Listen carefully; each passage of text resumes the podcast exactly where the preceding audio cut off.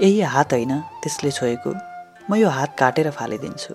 यही हात समाएर जिन्दगीभर साथ निभाउने कुरा गरेको थियो खुब हात काटेर फाल्न चक्कु खोज्न थालेँ तर चक्कु भेटिएन। राम्रोसँग प्याज पनि नकाट्ने भुत्ते चक्कु थियो कोठामा। त्यही जहिरी चक्कु पनि भेटिएन। यसो सम्झेँ त्यसले छोएको के के छ? सम्झिँदै गएँ। उफ खुट्टाका पैताला बाहेक केही बाँकी नरहने रहेछ।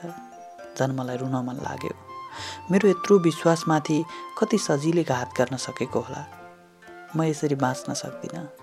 आत्मालाई पीडा दिएर मलाई सास फेर्न गाह्रो भयो।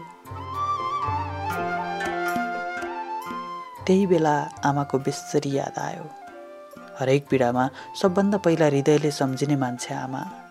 उहाँको काखमा लुटुपुटु परेर डाको छोडेर रुन मन लाग्यो।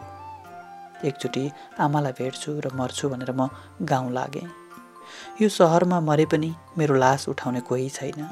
जसलाई आफ्नो भनेको थिएँ उसले लात्ती मुटुमै हानेको थियो। त्यसैले अब मर्नै भए पनि गाउँ जान्छु। घर आएको दुई दिन भएको थियो। एक मिनट पनि सास फेरेर मलाई यो धरती हेर्न मन थिएन। मलाई कसैको माया लागेको थिएन। चाहना सबै खत्तम भएका थिए। मलाई नुहाउन जरुरी थिएन। जसले मर्ने योजना बनाएको छ त्यसलाई किन नुहाउनु परेर तर पनि के गरौँ? र कसो गरौँ भयो र आमालाई भने? पानी तताइदिनु नुहाउनु पर्यो। तातो पानीले नुहाउन मन लाग्यो मलाई। अँगेनामा देप्चीभरि पानी बसालेर आमा कचौरामा तोरीको तेल लिएर आउनुभयो र भन्नुभयो नानी आइज कपालमा तेल लगाइदिन्छु। कपाल नै कस्तो फुङ्ग उडेको। सहरमा कहिले तेल लगाउने होइन होला। हुन त मेरो कपालमा तेल लगाउन पनि जरुरी थिएन।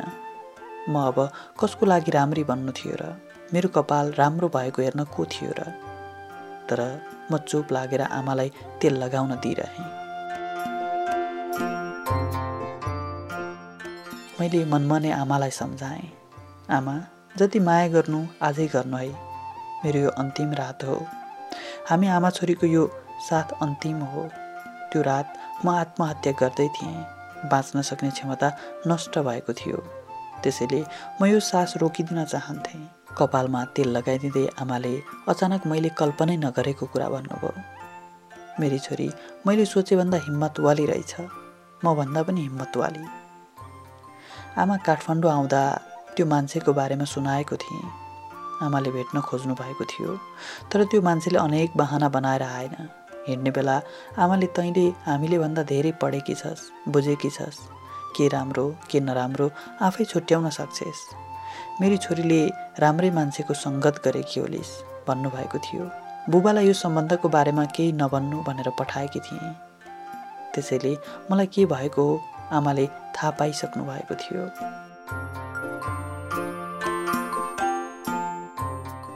तर त हिम्मतवाली रहेछस्। आज तैँले हिम्मत हारे कि भए। तैँले कुनै त्यस्तो कदम उठाए कि भए। म मेरो छोरीलाई खोज्न कहाँ जान्थेँ होला? र मैले कहाँ पो भेट्टाउँथेँ र? त मेरो छोरी मात्र होइनस् नि मुटुको टुक्रा होस्।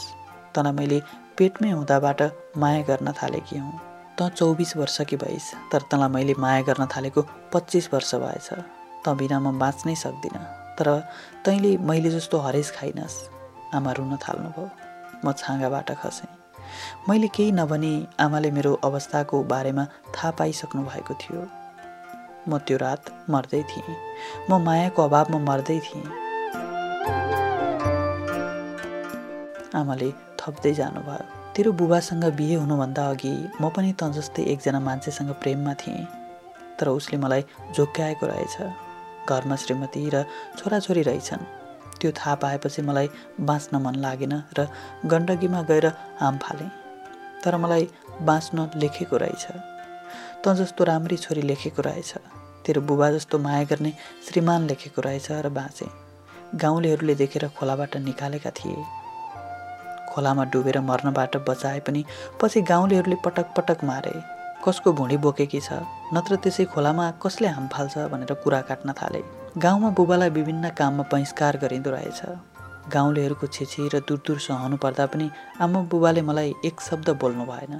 त्यति बेला मलाई किन केही भन्नु भएन होला जस्तो लागेको थियो। आजकल बुझ्दा लाग्छ। आफ्नो सन्तानले जस्तो सुकै गल्ती गरे पनि माफ गरिदिने हृदय हुँदो रहेछ बा आमासँग। पछि हामी पहाड छाडेर तराई झऱ्यौँ। तेरो बुबासँग मेरो बिहे भयो। मलाई हरेक पुरुष ती मान्छे जस्तो स्वार्थी हुन्छ जस्तो लाग्थ्यो। तेरो बुबासँग भेट भएपछि लाग्यो यो समाजमा असल पुरुष पनि रहेछन्। नारीलाई सम्मान गर्ने माया गर्ने पुरुष भेटिँदो रहेछ।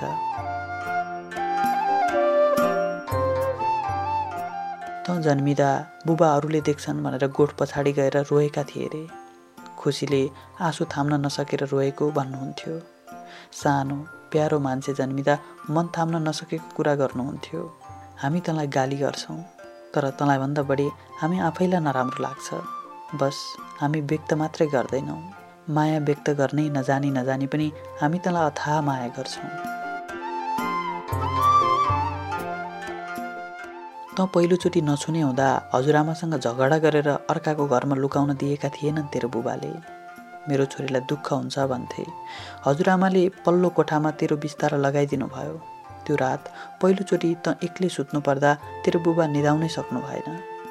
उठ्दै झ्यालबाट हेर्दै बस्नुभएको थियो। छोरी मान्छेको लागि यस्तो कठोर नियम कसले बनाइदिएको होला भनेर रिसाउनुहुन्थ्यो। अझ तँलाई अर्को रमाइलो कुरा सुनाउँछु। त जम्मा दुई महिना कि भएकी थिइस्। म सुत्केरी नै थिएँ। राति सुत्ने बेलामा सानो म आजकल त तिमीसँग भन्दा अर्कैको प्रेममा डुब्न थालेको छु भने। अफिसमा काम गर्दा उनकै याद आउँछ टोलाइरहन मन लाग्छ। साथीहरूले पनि लभमा पर्नु भयो कि के हो भन्छन्। म त जसङ्ग भएँ मन दुख्यो। घरमा श्रीमती सुत्केरी भएपछि लोग्ने अर्कैको प्रेममा पर्छ भनेर आमाहरूले कुरा गर्नुहुन्थ्यो।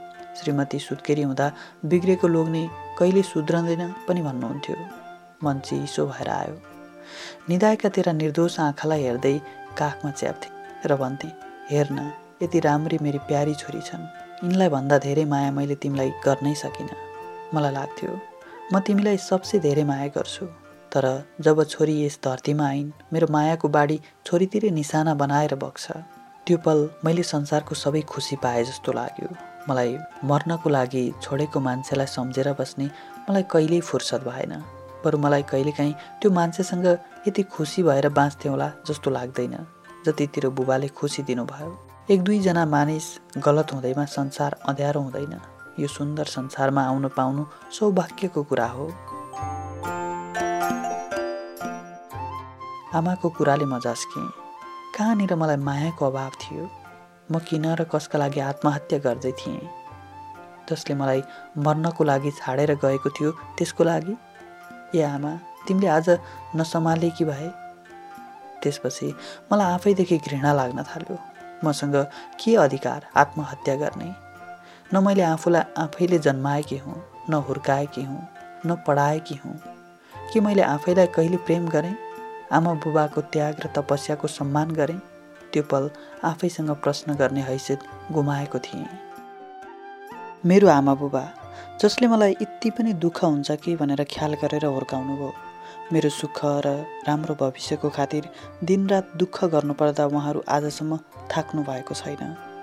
मैले आमा बुबासँग मनमनै माफी मागेँ मनमनै उहाँहरूको खुट्टा डोगेँ गल्ती गरेर पनि झुक्नु नपर्ने माफी माग्नु नपर्ने आमा बुबा नै रहेछन्।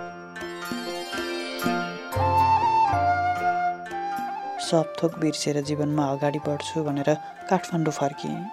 आफ्नो पढाइमा ध्यान दिन थालेँ। जीवनको लक्ष्य बनाएँ। बलियो अठोटका साथ अगाडि बढ्ने प्रयास गर्न थालेँ। मेरा हरेक अप्ठ्यारो परिस्थितिमा लड्न साथ र साहस दिने आमा बुबा हुनुहुन्थ्यो। उहाँहरूले गर्व गर्ने छोरी बन्नु थियो। एक दिन अचानक खाना बनाउँदा बनाउँदै ग्यास सकियो। ग्यास पसल मेरो कोठा नजिकै थियो। म पसल अगाडि उभिएको थिएँ। साउजी पसलमा थिएनन् त्यसैले यताउता हेर्दै थिएँ।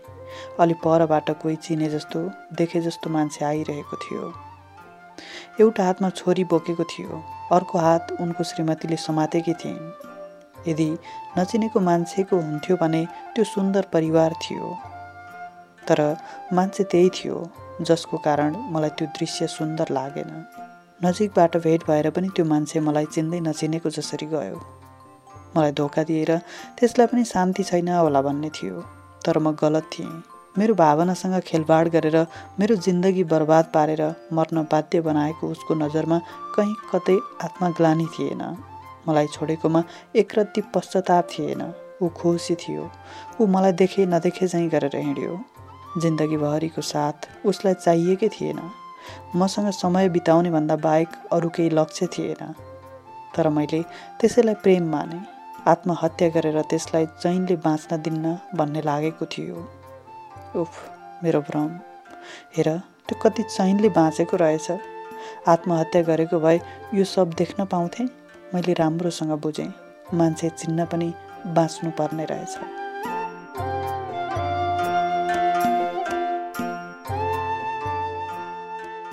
हिम्मतवाली छोरी शीर्षकमा सारा नेउपानेले लेख्नुभएको यो लेख मैले सेतुपाटी डट कमबाट साभार गरेको हुँ।